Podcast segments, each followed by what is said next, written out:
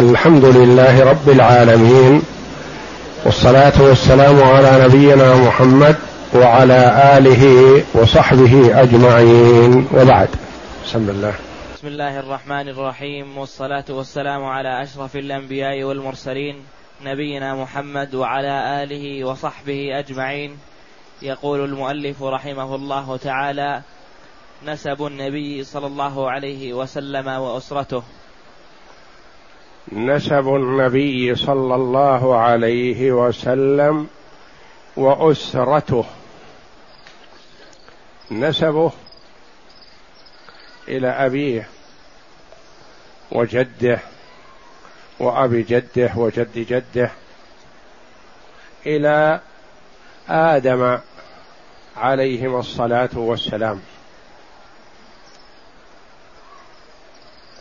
وقد قسم المؤرخون نسب النبي صلى الله عليه وسلم إلى آدم إلى ثلاث مراحل.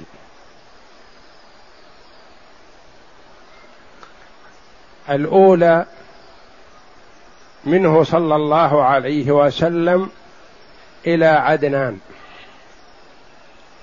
هذا اتفق عليه أهل السير محمد بن عبد الله ابن عبد المطلب ابن هاشم إلى آخره كما سيأتينا إلى عدنان. هذا اتفق عليه أهل السير. ومن بعد عدنان إلى إبراهيم الخليل على نبينا وعليه أفضل الصلاة والسلام. هذا فيه شيء من الخلاف وفيه الصواب الكثير.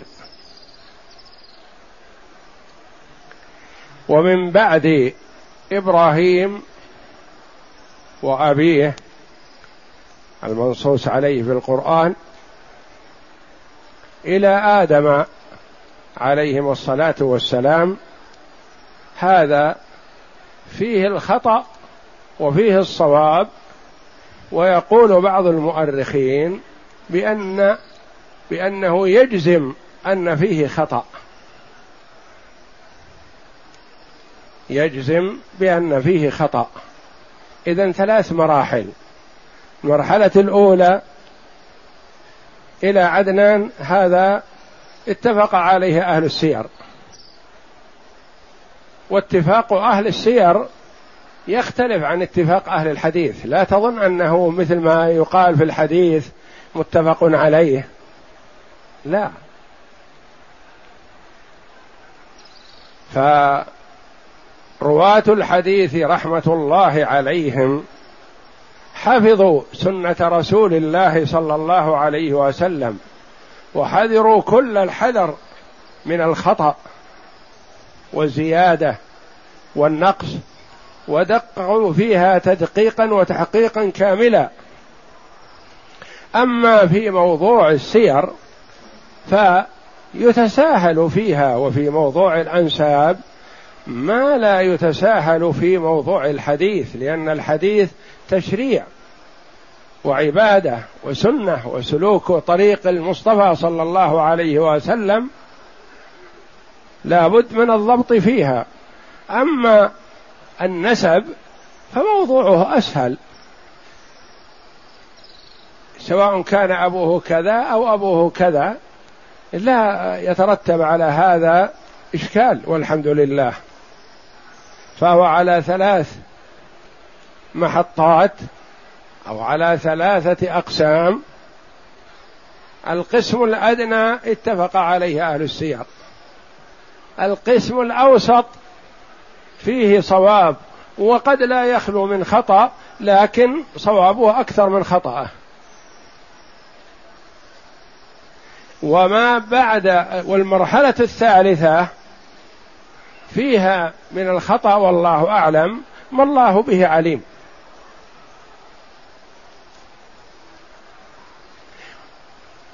والمراد بأسرته صلى الله عليه وسلم نسبه يعني فلان ابن فلان ابن فلان ابن فلان حتى يوصل إلى آدم هذا النسب. والأسرة العائلة والقبيلة والفخذ الذي منه صلى الله عليه وسلم. أسرته تسمى هاشمية فهو هاشمي. والهاشمية أفضل أسر قريش. وقريش أفضل أسر عدنان. فهو عليه الصلاة والسلام خيار من خيار.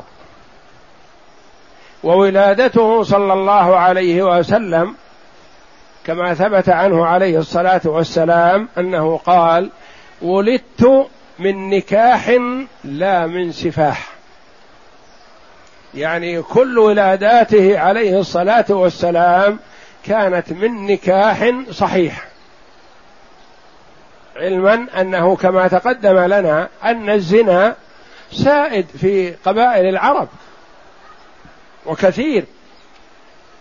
ويزني الشريف والوضيع وتزني الأمة وتزني الحرة لكن في بعض الفترات وفي بعض القبائل يستنكر زنا الحرة وإلا الرجل شيء عادي عندهم لأن زناه لا يضير أسرته بخلاف المرأة فالمرأة زناها يتعدى ضرره على قبيلتها وعلى أسرتها ومن حولها وعلى آبائها وأمهاتها وأولادها وإخوانها.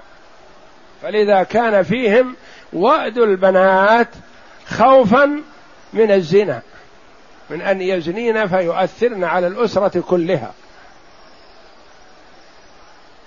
ولما بايع النبي صلى الله عليه وسلم النساء في بيعة النساء وقال له عليه الصلاة والسلام ولا يزنين قالت هند امرأة أبي سفيان أم معاوية أو تزني الحرة؟ يعني بعيد أن تزني الحرة الحرة تترفع بنسبها. هذا يكون في بعض الأوساط وفي بعض الأوساط كما تقدم لنا يقول الرجل لزوجته اذهبي استبضعي من فلان يعني فيه تناقضات وتفاوتات. منهم من يقتل البنت خشية أن تزني في المستقبل. ومنهم من يقول لزوجته إذا طهرت من حيضها اذهبي فاستبضعي من فلان.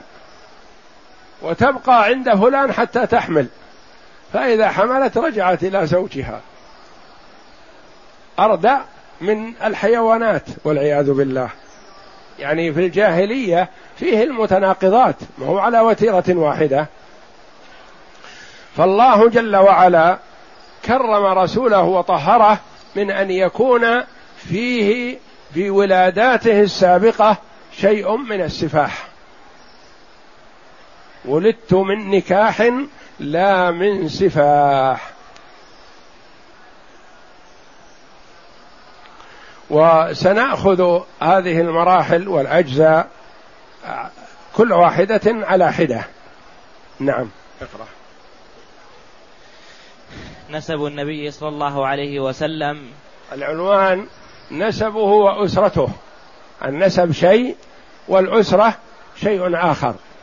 وذكر النسب ثم يذكر الأسرة ويتحدث عن آبائه كل واحد على حدة. نعم. لنسب النبي صلى الله عليه وسلم ثلاثة أجزاء. جزء اتفق على صحته صحته أهل السير والأنساب. اتفق أهل على صحة أهل السير. جزء اتفق على صحته أهل السير السير والأنساب وهو إلى عدنان. إلى عدنان هذا اتفق عليه أهل السير. نعم. وجزء اختلفوا فيه ما بين متوقف فيه وقائل به. وهو ما فوق. بعضهم يتوقف يقول أقف ما أقول فيه شيء. ما أقول ابن كذا ولا ابن كذا لأنها ربما تكون مبنية على الخرص والتخمين والتقريب وروايات غير موثوقة فيتوقف. يقول وصله إلى عدنان وأقف. نعم. وهو ما فوق عدنان إلى إبراهيم عليه السلام. وجزء هذا القسم الثاني من عدنان إلى إبراهيم. على نبينا وعليه أفضل الصلاة والسلام. نعم. وجزء لا نشك أن فيه أمورا غير صحيحة وهو ما فوق لأنه في غابر الأزمان ولا يضبطه الناس ولا فيه سلسلة متواترة عن الأنبياء عليهم الصلاة والسلام. هو لا شك عليه الصلاة والسلام هو ابن إسماعيل وإسماعيل ابن إبراهيم الخليل وإبراهيم من ذرية نوح. ونوح من ذرية آدم. فنوح وإبراهيم هما أبوا الأنبياء من بعدهم. فما بعث الله نبي من بعد نوح إلا من ذريته. وما بعث الله نبي من بعد إبراهيم إلا من ذريته. ونبينا محمد صلى الله عليه وسلم هو الوحيد النبي من ذرية إسماعيل.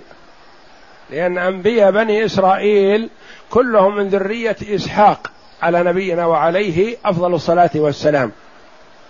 فأولاد إبراهيم عليه السلام إسحاق وإسماعيل وإسماعيل أسن وأكبر من إسحاق. وهو على الصحيح الذبيح مع وجود الخلاف. وهو الذبيح الذي رأى في المنام أنه يذبحه وأقدم على ذلك عليه الصلاة والسلام وهو ابنه الوحيد وما جاءه إلا بعد الكبر. فرأى في المنام أنه يذبحه كما قص الله جل وعلا علينا ذلك في كتابه العزيز. يا بني إني أرى في المنام أني أذبحك. قال يا أبت افعل ما تؤمر. ستجدني إن شاء الله من الصابرين. فلما أسلم وتله للجبين. أسلم يعني استسلم لأمر الله وليس المراد أسلم يعني دخل في الإسلام هما مسلمان من قبل لكن استسلم للانصياع والاستجابة لما قال الله جل وعلا ولما رأى إبراهيم في المنام لأن رؤيا الأنبياء حق. فلما أسلم وتله للجبين وناديناه أن يا إبراهيم قد صدقت الرؤيا الآيات. فهو عليه الصلاة والسلام ابن إسماعيل وإسماعيل ابن إبراهيم وإبراهيم ابن لنوح ونوح ابن لآدم عليهم الصلاة والسلام. نعم. وهو ما فوق إبراهيم إلى آدم عليهما السلام. وقد أسلفنا الإشارة إلى بعض هذا. نعم. وهاك تفصيل تلك الأجزاء الثلاثة. الجزء الأجزاء الثلاثة كل جزء على حدة. نعم. الجزء الأول محمد بن عبد الله ابن عبد المطلب. ومحمد عليه الصلاة والسلام ابن عبد الله. أبوه عبد الله بلا شك. ابن عبد المطلب بلا شك. ابن هاشم ابن عبد مناف وهكذا. نعم. واسمه شيبة بن هاشم. هو الجزء الأول. الجزء محمد. الأول هو محمد بن عبد الله. بن عبد الله. اسم واحد. محمد وعبد الله. اسم أبيه. نعم. ابن عبد المطلب. ابن عبد المطلب واسمه شيبة. عبد المطلب له اسمان. اسم سمته به أمه. اسمه شيبة. حينما ولدته في المدينة وكان في رأسه شيبة شعره شيب سمته شيبة. فلما أخذه المطلب عمه من المدينة إلى مكة وكان رديفه على على راحلته وقد تأثر الشاب الصغير بالشمس والطريق ورؤي عليه أثر السواد فقالوا هذا عبد المطلب. يعني هذا اشتراه عبد المطلب من المدينة أو من الطريق أو من أي مكان. فقال ويحكم هذا ابن أخي. قالوا هذا عبد المطلب. عبد المطلب. فعلقته وصار يتسمى بعبد المطلب يعني من عبودية الرق لا من عبودية العبادة وإنما من عبودية الرق يعني قالوا هذا عبد المطلب. اللي جابه من المدينة عمه المطلب. أخذه من أمه بعدما وضح لها لأنه ذهب إليه عمه المطلب فلما رآه تذكر والده. هاشم فبكى ودمعت عينه وضمه إلى نفسه وقال يا بني أريد أذهب بك إلى مكة؟ قال لا ما أذهب أنا إلا بمشورة أمي. وكانت أمه من النساء الكريمات المشهورات وكانت من شهرتها أنها ما تتزوج شخص إلا تشترط عليه ان الطلاق والعصمة بيدها.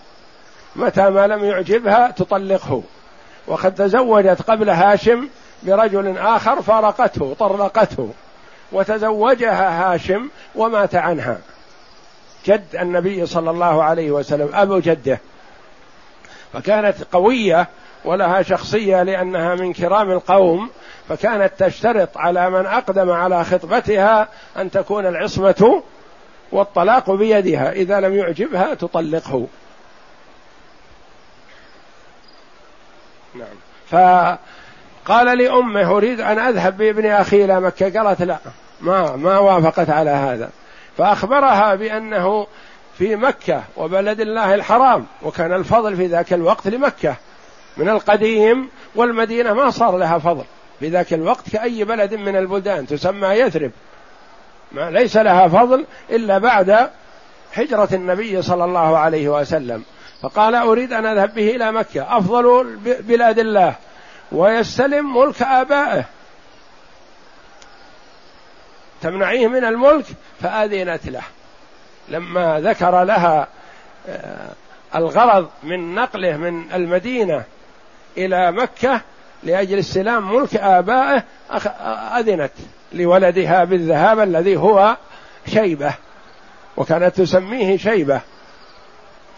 وسمي بعد وصوله إلى مكة بعبد المطلب واشتهر بذلك. واسمه شيبة ابن هشام.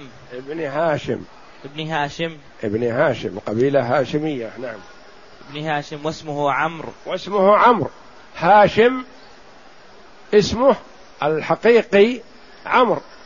وسمي هاشم لهشمه الخبز والثريد. كان يقدم للأضياف ويهشم الثريد يعني يقطعه ويكسره ويقدمه للناس فسمي هاشم هاشم الخبز والثريد فمدحة له بالكرم. نعم. ابن عبد مناف واسمه المغيرة. عبد مناف اسمه المغيرة يعني له اسم وله شهرة مشهور بها المغيرة. نعم. ابن قصي واسمه زيد ابن كلاب. قصي اسمه زيد. نعم. ابن كلاب ابن مرة ابن ابن كلها ابن مرة ابن كعب ابن لؤي ابن غالب ابن فهر. فهر. وهو الملقب بقريش. فهر هذا هو أبو قريش. هو الملقب بقريش وقريش تنتسب كلها إلى فهر.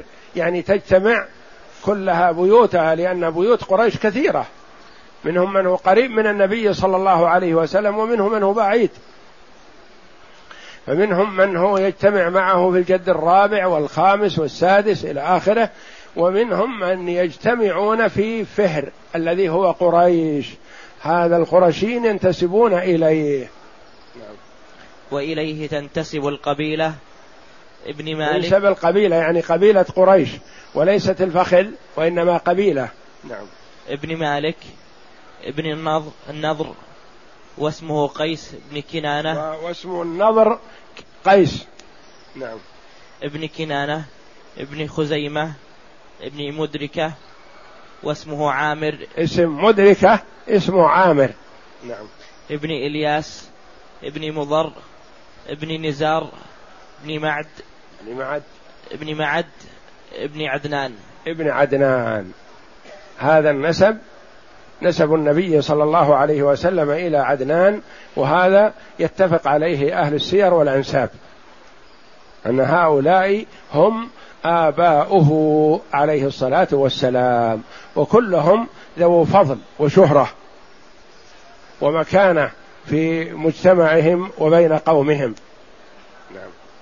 الجزء الثاني وهو ما فوق عدنان وعدنان. ما فوق عدنان يعني ما بعد عدنان إلى إبراهيم الخليل. نعم. وهو عدنان ابن آد. ابن أد. ابن أد ابن هميسع ابن سلامان ابن عوس ابن بوز ابن قموال ابن أبي ابن أبي. ابن عم عوام ابن ناشد ابن حزاء ابن بلداس ابن يدلاف ابن الطابخ ابن جاحم ابن ناحش ابن ماخي ابن عيض ابن عقب عبقر ابن عبيد ابن الدعاء ابن حمدان ابن سنبر ابن يثرباء. ابن يحزن ابن يلحن ابن أرعوى أرعوى. ابن أرعوى ابن عيض عيض. ابن عيض ابن الديشان ابن عيصر ابن أفناد ابن أيهام ابن مقصر مقصر. ابن مقصر ابن ناحث ابن زارح ابن سما ابن مزة ابن عوضة ابن عرام ابن قيدار ابن قيدار هذا قيدار هو ابن إسماعيل. إلى لأن النبي صلى الله عليه وسلم ينتسب إلى أبيه قيدار ابن إسماعيل. وإسماعيل على نبينا وعليه أفضل الصلاة والسلام ولد له اثنا عشر ولد. وكل واحد صار أبو قبيلة من القبائل. فالنبي صلى الله عليه وسلم ينتسب إلى واحد من هؤلاء الاثنى عشر من أولاد إسماعيل. وإسماعيل عليه السلام قيل إن عمره زاد عن مئة وعشرين سنة. ابن قيدار ابن إسماعيل ابن إبراهيم. عليهما الصلاة والسلام. عليهما يعني إسماعيل وإبراهيم. أما من دونهم هؤلاء ما يعرف لهم فضل ولا لهم آه، إسلام ونحو ذلك لا يدرى. وإنما المعروف هو آه، الرسالة إسماعيل ابن إبراهيم. ولهذا قال عليهما يعني ذكر أجداد النبي صلى الله عليه وسلم كثر. وقال في الأخير عليهما من هما؟ إسماعيل وإبراهيم عليهم الصلاة والسلام. نعم. الجزء الثالث؟ هذا الجزء الثالث. الأوسط هذا سمعنا فيه الأسماء هذه قد تكون صحيحة وقد يكون فيها ما فيها والله أعلم. وما بعد إسماعيل وإبراهيم هذا آه، الخطأ فيه والله أعلم. أكثر من الصواب لأنها أمم اندرست ولم يأتي بها شيء من الكتاب أو السنة يعرف أنها صحيح. ما عدا هذا كلام ناس عن أناس ما قد لا يضبطون ذلك. ما فوق إبراهيم عليه السلام وهو ابن تارح تارخ واسمه آزر. هذا أبو إبراهيم هذا لا إشكال فيه. وإذ قال إبراهيم لأبيه آزر فآزر أبو إبراهيم. وهو الذي رفض الاستجابة لدعوة ابنه إبراهيم وأبى وتلطف إبراهيم عليه السلام بأبيه يا أبتي يا أبتي يا أبتي كما قص الله علينا ذلك في سورة مريم.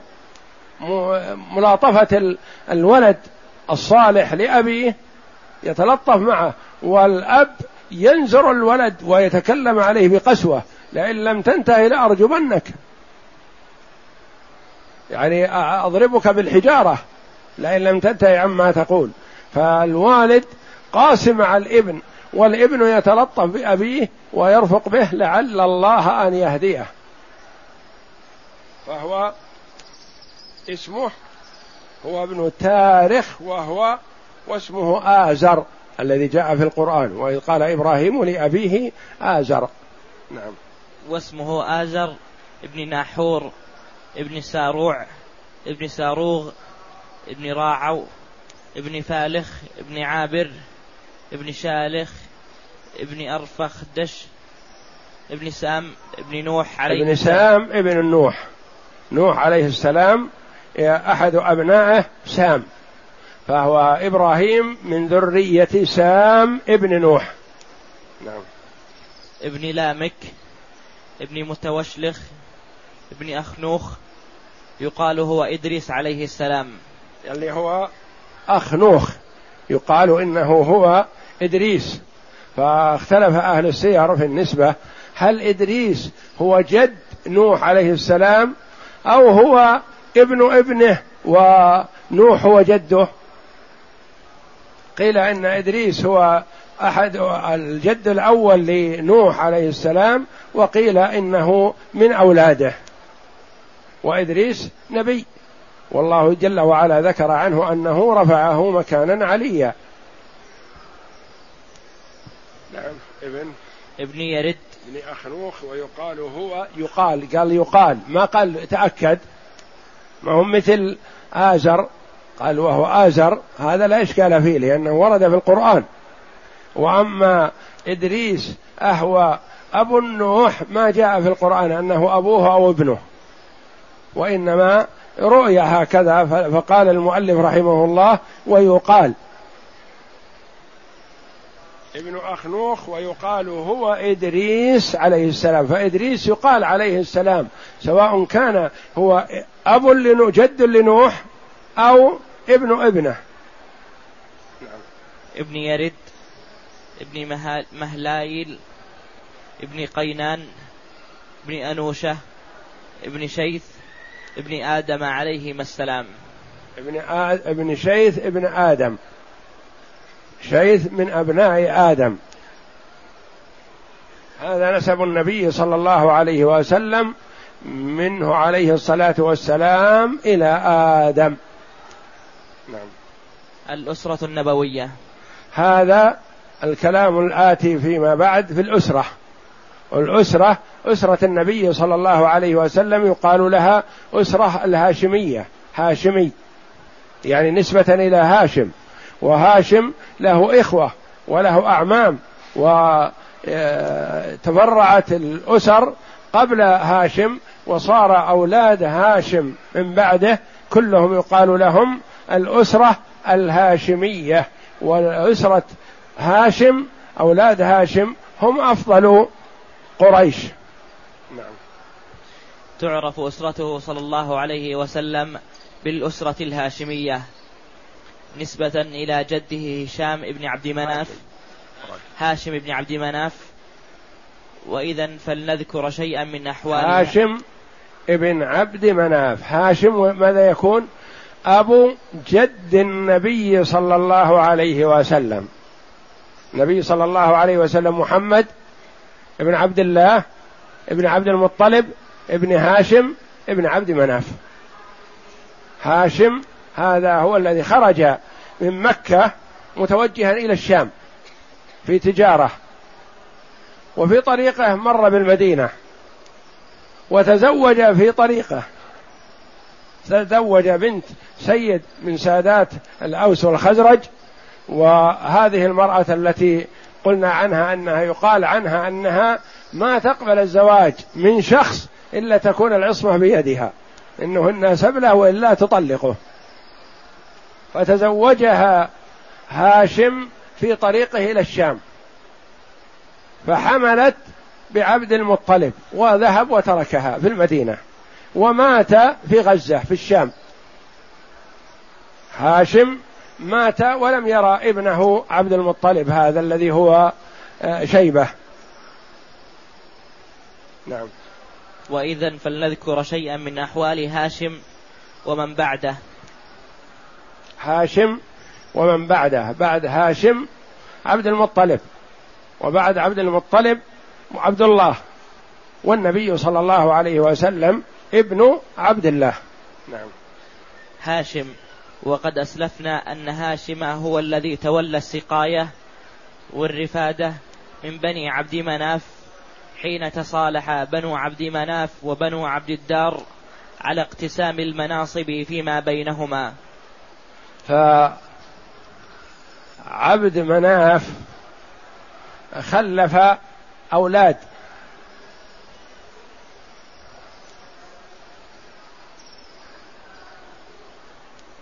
فصالح بنو عبد مناف وبنو عبد الدار على اقتسام المناصب في مكة توزيعها لأن مكة كانت هي مركز القيادة وفيها مناصب متعددة.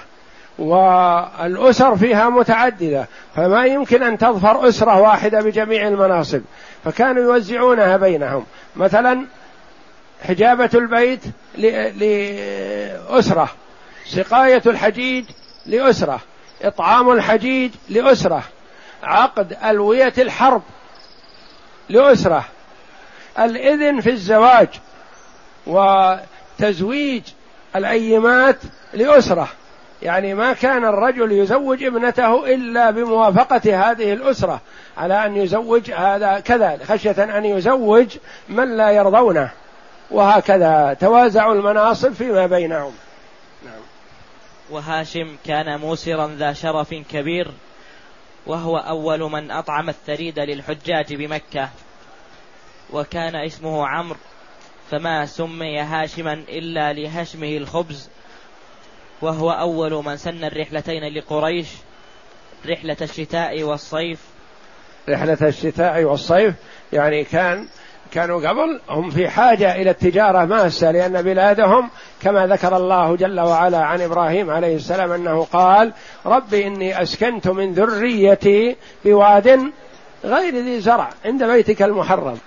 والناس يعيشون إما على الزرع وعلى الرعي وعلى المواشي أو على التجارة أو على الصناعة. ما كان شيء يقتاتون به وما عندهم زراعة لأنه واد غير ذي زرع وإنما شرع لهم ليرفع من معنويتهم وليوجد لهم سبيل وطريق للكسب والقوت الحلال عن النهب والسلب.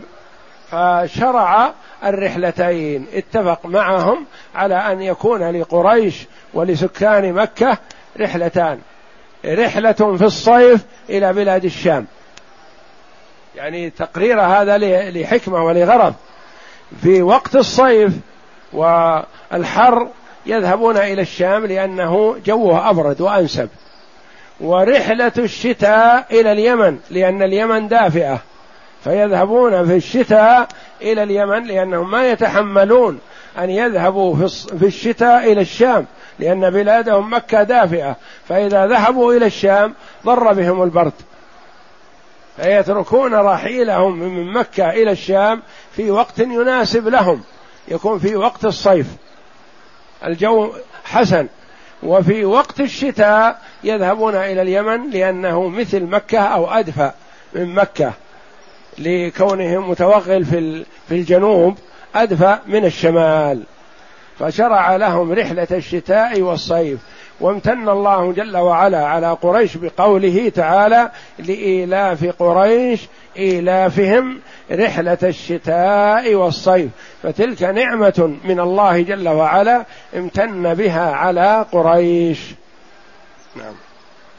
وفيه يقول الشاعر عمرو الذي هشم الثريد لقومه قوم بمكة مسنتين عجاف.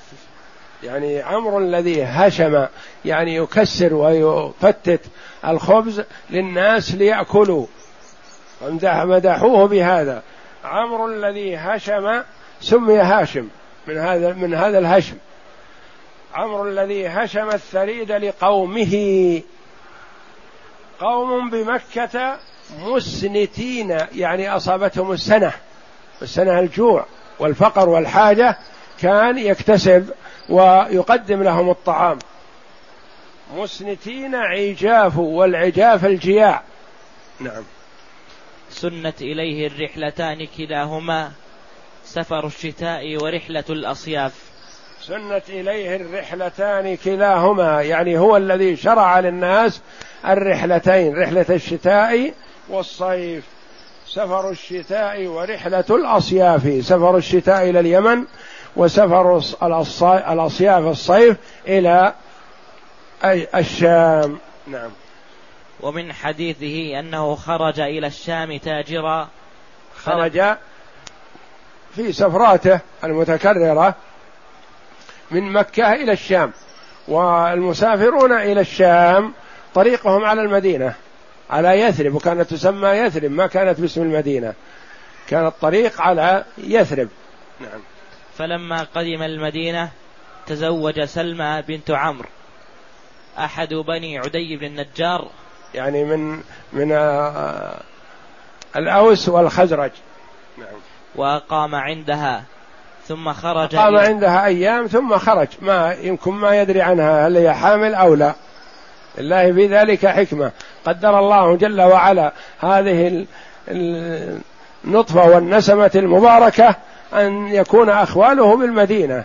أخوال جده أخوال جده المدينة الذي جده عبد المطلب وأخواله في المدينة. وكان له نصرة في هذا يعني أدرك مأربه كما سيأتينا بمناصرة أخواله. جاءوا من المدينة لما كاد عمه أن يظلمه أو ظلمه جاء أخواله لنصرته. فلله في ذلك حكمة.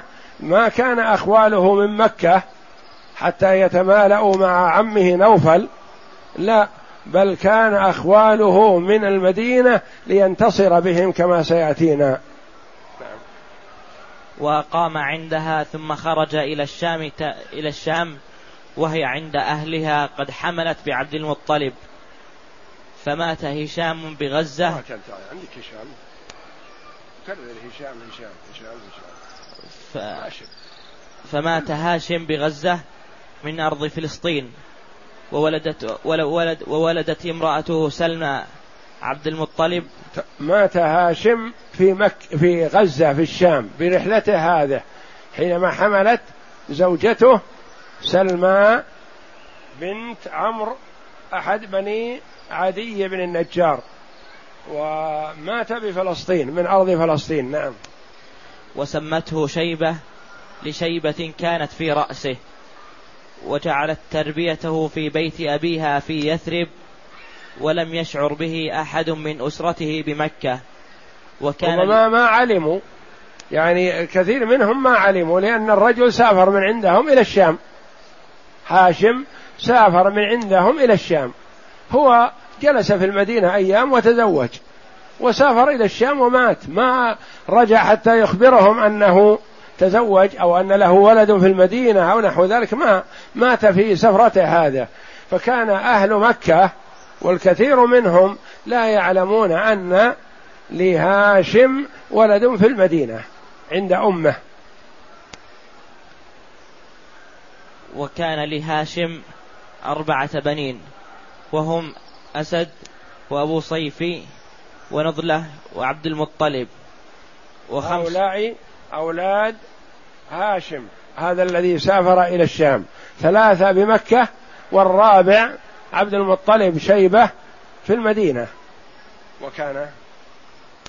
وكان وكان لهاشم أربعة بنين وهم أسد وأبو صيفي صيفة ونضلة وعبد المطلب وخمس بنات وهي الشفاء وخالدة وضعيفة ورقية وجنة.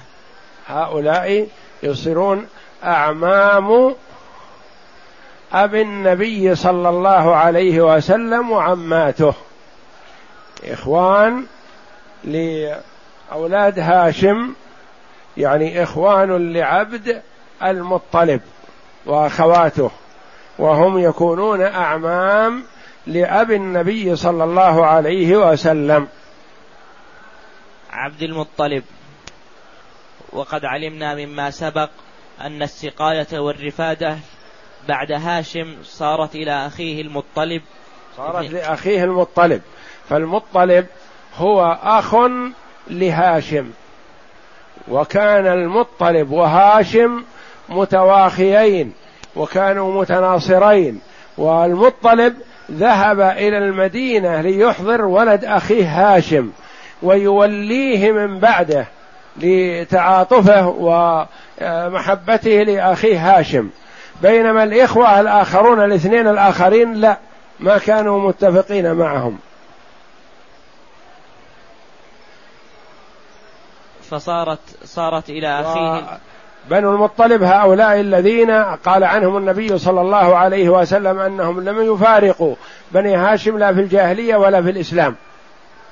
فهم دخلوا معهم الشعب لما حوصر آه، النبي صلى الله عليه وسلم وعمه أبو طالب ومن معهم دخل معهم في الشعب بنو المطلب وهم أبناء عمومتهم. بنو المطلب ليسوا من أبناء هاشم. لأنهم إخوة. بنو المطلب أخ لهاشم. وإخوته الآخرين تخلوا عنه. وأبناء عمومتهم الآخرون تخلوا عنهم لما حصروا في الشعب. لكن بنو المطلب دخلوا مع بني هاشم. ولذا جعل لهم النبي صلى الله عليه وسلم نصيبا من الزكاة لأنهم لم يفارقوا بني هاشم لا في الجاهلية ولا في الإسلام.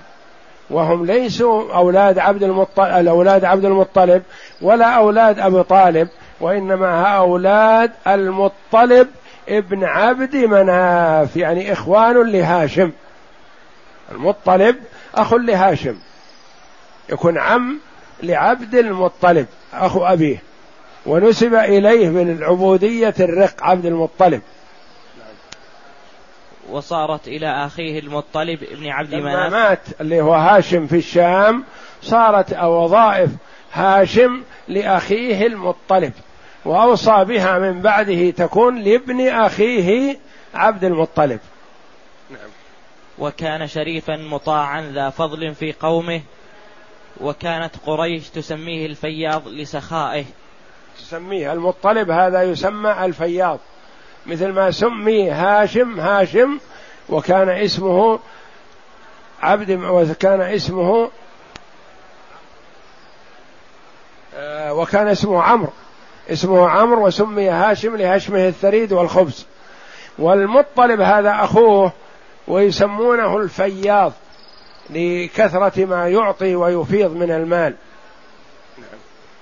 ولما صار شيبة عبد المطلب وصيفا أو فوق ذلك سمع به المطلب فرحل في طلبه فلما رآه فاضت عيناه وضمه وأردفه رآه ورأى فيه صفات وسمة آه، أخيه هاشم الذي مات في الشام. نعم. وأردفه على راحلته فامتنع حتى تأذن له أمه فسألها المطلب أن ترسله معه فامتنعت. فقال إنما يمضي إلى ملك أبيه وإلى حرم الله فأذنت له. فقدم به مكة مردفه على بعيره. فقال الناس هذا عبد المطلب. فقال ويحكم إنما هو ابن أخي هاشم. فأقام عنده حتى ترعرع. ثم إن المطلب هلك بردمان. من أرض اليمن فولى بعده عبد المطلب, المطلب. مات في اليمن وهاشم مات في الشام. يعني في الرحلتين لهما واحد ذهب إلى الشام ومات هناك والآخر ذهب إلى اليمن ومات هناك وهما شقيقان أخوان. نعم. فولى بعده عبد المطلب فأقام لقومه ما كان أباؤه يقيمون لقومهم وشرف في قومه شرفا لم يعني تولى بعد المطلب عبد المطلب الذي هو شيبة. يصير ابن أخي المطلب. تولى من بعد ابن أخيه. نعم. وشرف في قومه شرفا لم يبلغه لم يبلغه أحد من آبائه وأحبه قومه وعظم الذي هو عبد المطلب. وله مزايا ستأتي وله مواقف جيدة ستأتي إن شاء الله. فشرف في قومه نال شرف قريش وشرف بني النجار أهل المدينة. فاجتمع الشرفان في عبد المطلب. أعمامه قريش وأهله وأخواله بني النجار من المدينة. وعظم خطره فيهم. ولما مات المطلب وثب, وثب نوفل على أركاح عبد المطلب فغصبه إياها. ولما مات المطلب الذي هو الذي أحضر عبد المطلب من المدينة وهو الذي حن عليه وهو الذي ولاه لما حال حياة المطلب كان أعمامه مذعنون له. فلما مات يقول وثب نوفل على أركاح عبد المطلب فغصبه إياها الأركاح الدور والمساكن كما ذكر ذلك في القاموس. الدور والأماكن التي فيها مثل ما يقال في الإمارة آه، مركز وبيوت الوجهاء والأمراء اغتصبها عمه. عمه نوفل يكون عمه اغتصبها. كأنه قال أنا أحق بها. أنت ابن هاشم والمطلب يكون عمك. وأنا ابن آه، آه، عبد مناف وهاشم يكون وهاشم و والمطلب يكون أخواه. وكأنه أراد أن يتقدم على ابن أخيه واغتصبه ما له من الأمك من الأمكنة والشرف أراد أن يأخذها لكن عبد المطلب تمسك بها وطلب من قريش ومن حوله من أهل مكة وكانوا يعظمونه. قال انصروني على عمي. قالوا ما ندخل بينك وبين عمك. لو أتاك شخص من بعيد ناصرناك لكن ما دام الخلاف بينك وبين عمك ما نتدخل. إلى من يفزع؟ كتب إلى أخواله بالمدينة ليأتوا ليناصروه على عمه. فجاءوا. نعم. فسأل رجالا من قريش النصرة على عمه فقالوا لا ندخل بينك وبين عمك. فكتب إلى أخواله من بني النجار أبياتا يستنجدهم كانوا في السابق بدل ما يكتب خطابات ونحو ذلك يكتب قصيدة وشعر حتى يحركهم ويتحركوا والشعر يبقى ويحفظ ويتدارك وهل له نصرة أو لا؟ يمتدحون بهذا وإن لم يناصروه ذموا بهذا أن الرجل استنجد بهم ولم ينجدوه. كما فعل الخزاعي لما جاء يستنصر النبي صلى الله عليه وسلم في المدينة آه، لما خانت قريش العهد الذي بين النبي صلى الله عليه وسلم وبينهم جاء الخزاعي بأبيات فقال نصرت. نصره النبي صلى الله عليه وسلم وكان سببا في فتح مكة. نعم.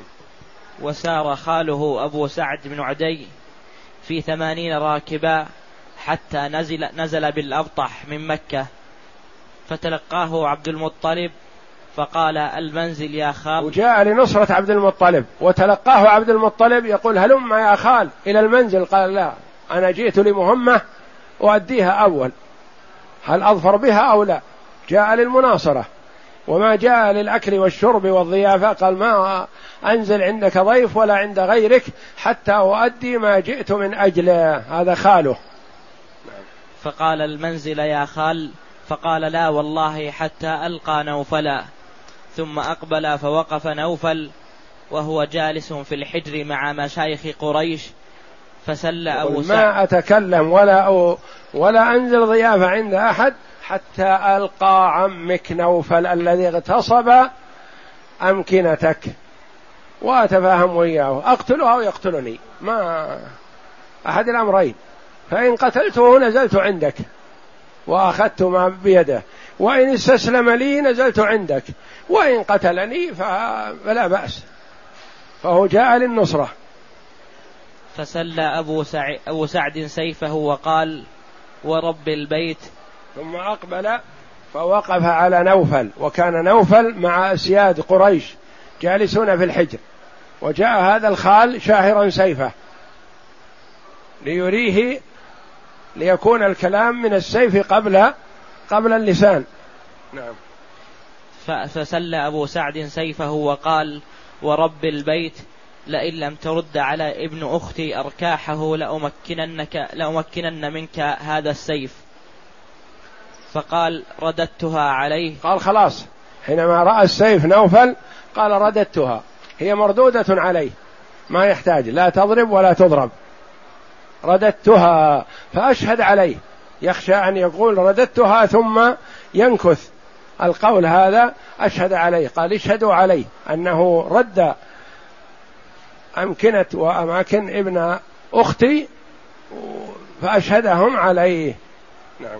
فأشهد عليه مشايخ قريش ثم نزل على عبد المطلب فقام عنده ثلاثا ثم اعتمر ورجع إلى المدينة فلما جرى ذلك حالف نوفل بني عبد شمس بن عبد مناف على بني هاشم. يعني تحالف نوفل وبني عبد شمس هؤلاء إخوة. ضد هاشم وبني المطلب. أخوان كل الأربعة إخوة لكن اثنان اتفقا ضد اثنين.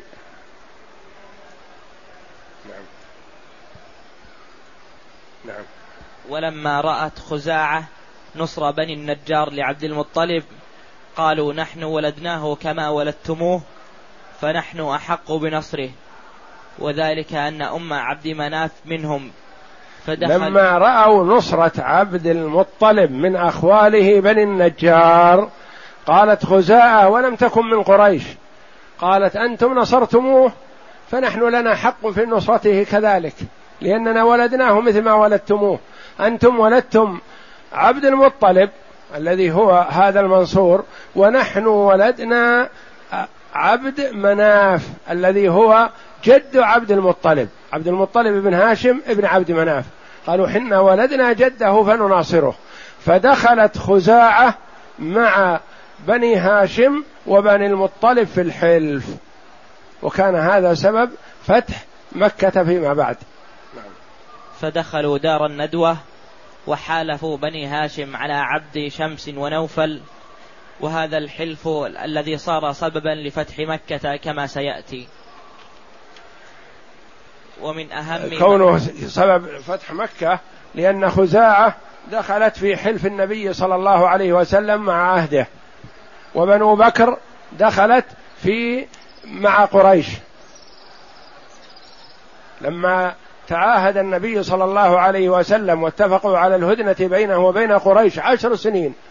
في سنة ثمان في سنة ست من الهجرة اتفقوا على عشر سنين. هدنة ما أحد يؤذي أحد. وأعلنوا للناس حولهم من أراد أن يدخل في عهد محمد صلى الله عليه وسلم دخل ومن أراد أن يدخل مع قريش دخل. فدخلت بنو بكر مع قريش. ودخلت خزاعة مع النبي صلى الله عليه وسلم. فهكذا. ثم إن بنو بكر وخزاعة صار بينهم مناوشة. وهذا لا يضير العهد. لا يضير العهد. المناوشة والحروب بين خزاعة وبني بكر ما بينهم عهد. كل يقاتل الآخر. لكن الخيانة جاءت أن بعض من قريش دخلوا مع بني بكر في الحرب ضد خزاعة. وكان الاتفاق على أنهم لا يحاربون من دخل في عهد محمد وخزاعة دخلت في عهد محمد صلى الله عليه وسلم. فبهذا حصل نقض العهد من قريش لله في ذلك حكمة. حتى يتم فتح مكة في عهد النبي صلى الله عليه وسلم. وإلا كان الاتفاق على أنها تضع الحرب أوزارها بين قريش ومحمد صلى الله عليه وسلم عشر سنين. يعني من ست من سنة ست إلى سنة ستة عشر. فلحكمة يريدها الله نقضت قريش العهد متى؟ في السنة الثامنة. يعني ما مضى إلا سنة واحدة السنة السابعة بقوا عليها. في السنة الثامنة نقضوا العهد. فما فبنقضهم العهد ومعاونتهم بني بكر على خزاعة الذين دخلوا في حلف النبي صلى الله عليه وسلم.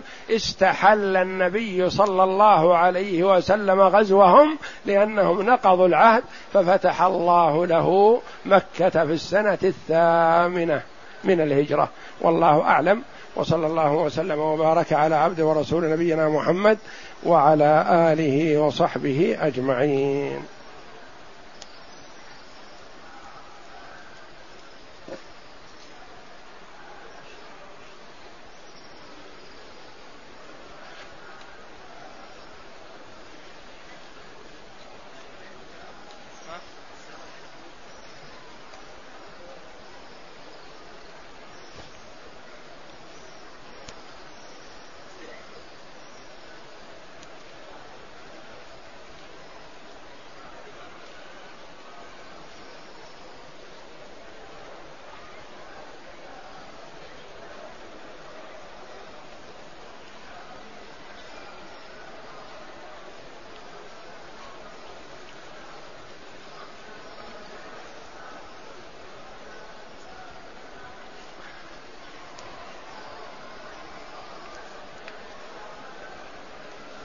يقول السائل مات لي ابن عمره ست سنوات غريقا هل نحسبه شهيدا؟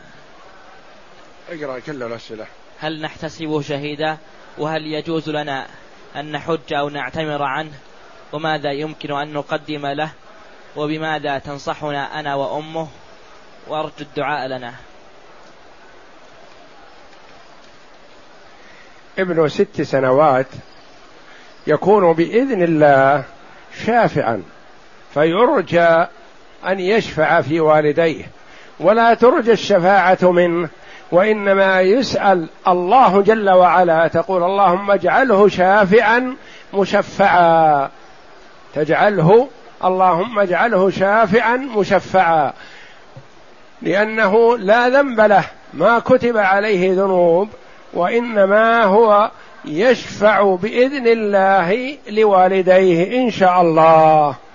وهل يجوز لنا أن نحج أو نعتبر عنه؟ لا ما ورد لأن الصغير ما عليه ما كلف وما وجب عليه الحج وتركه. فما يحج عنه ولا يعتمر وإنما يدعى الله جل وعلا أن يجعله شافعا مشفعا. وماذا يمكن أن نقدم له؟ ما يحتاج أن تقدم له شيء وإنما تدعو الله جل وعلا أن يتقبله. وعليكم بالصبر والاحتساب والمؤمن يؤجر على قدر صبره واحتسابه بما يصيبه وإن عظم الجزاء مع عظم البلاء وإن الله جل وعلا إذا أحب قوما ابتلاهم فمن رضي فله الرضا ومن سخط فله السخط. وعلى المؤمن أن يصبر ويرضى بقضاء الله وقدره ويحتسب الأجر عند الله جل وعلا وإلا فإنه والعياذ بالله إذا لم يصبر يسلو كما تسلو البهائم. البهيمة تجزع وتتأثر لفقد ولدها ثم بعد يومين أو ثلاثة تنساه. وكذلك ابن آدم إذا صبر واحتسب ورضي بقضاء الله وقدره فالله جل وعلا يثيبه ويأجره على ذلك. وقد جاء في الحديث أن الله جل وعلا يقول لملائكته قبضتم آه، حبيب عبدي أو كما قال آه، قبضتم ثمرة فؤاده؟ فيقول نعم. فيقول ماذا؟ قال فيقول الله جل وعلا وهو أعلم ماذا قال عبدي؟ فيقولون يا ربي حميدك واسترجع.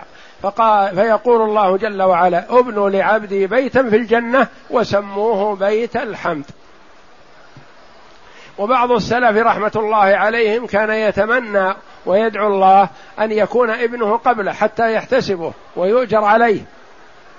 فالمرء المسلم يحتسب ما يصيبه من الله جل وعلا ويطلب من الله جل وعلا أن يوفقه لليقين والصبر والاحتساب والرضا لينال الثواب الجزيل عند الله جل وعلا.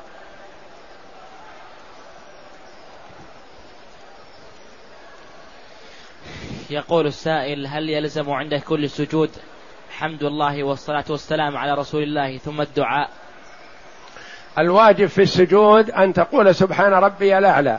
الواجب مرة وأدنى الكمال ثلاث وحد الكثرة حسن كلما أكثرت.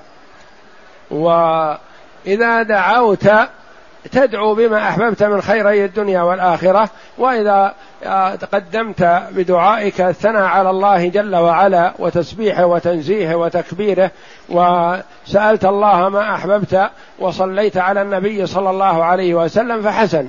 ولا يقال إنه يجب أن تصلي على النبي وأن تحمد الله عند الدعاء في حال السجود وإنما يستحب ذلك يقول السائل إذا نسيت قراءة الفاتحة خلف الإمام هل علي شيء؟ الصلاة صحيحة صلاتك صحيحة إن شاء الله وإذا كنت تسمع قراءة الإمام أو آه، آه، وأمنت عليها على القراءة أو أدركته وهو في القراءة أو أدركته قبل الركوع فالصلاة صحيحة إن شاء الله والمسألة فيها خلاف بين العلماء رحمهم الله في وجوب قراءة المأموم خلف الإمام ثلاثة أقوال. قيل يجب مطلقا وقيل لا يجب مطلقا وقيل تجب القراءة في السرية ولا تجب في الجهرية. يقول السائل هل تخرج المرأة الحامل من عدة الوفاة أو الطلاق حتى لو وضعت حملا ميتا نعم إذا وضع ما تبين فيه خلق إنسان ولو كان ميت فإنها تخرج به من العدة وأولاة الأحمال أجلهن أن يضعن حملهن في الوفاة والطلاق. والله أعلم وصلى الله وسلم وبارك على عبده ورسول نبينا محمد وعلى آله وصحبه أجمعين.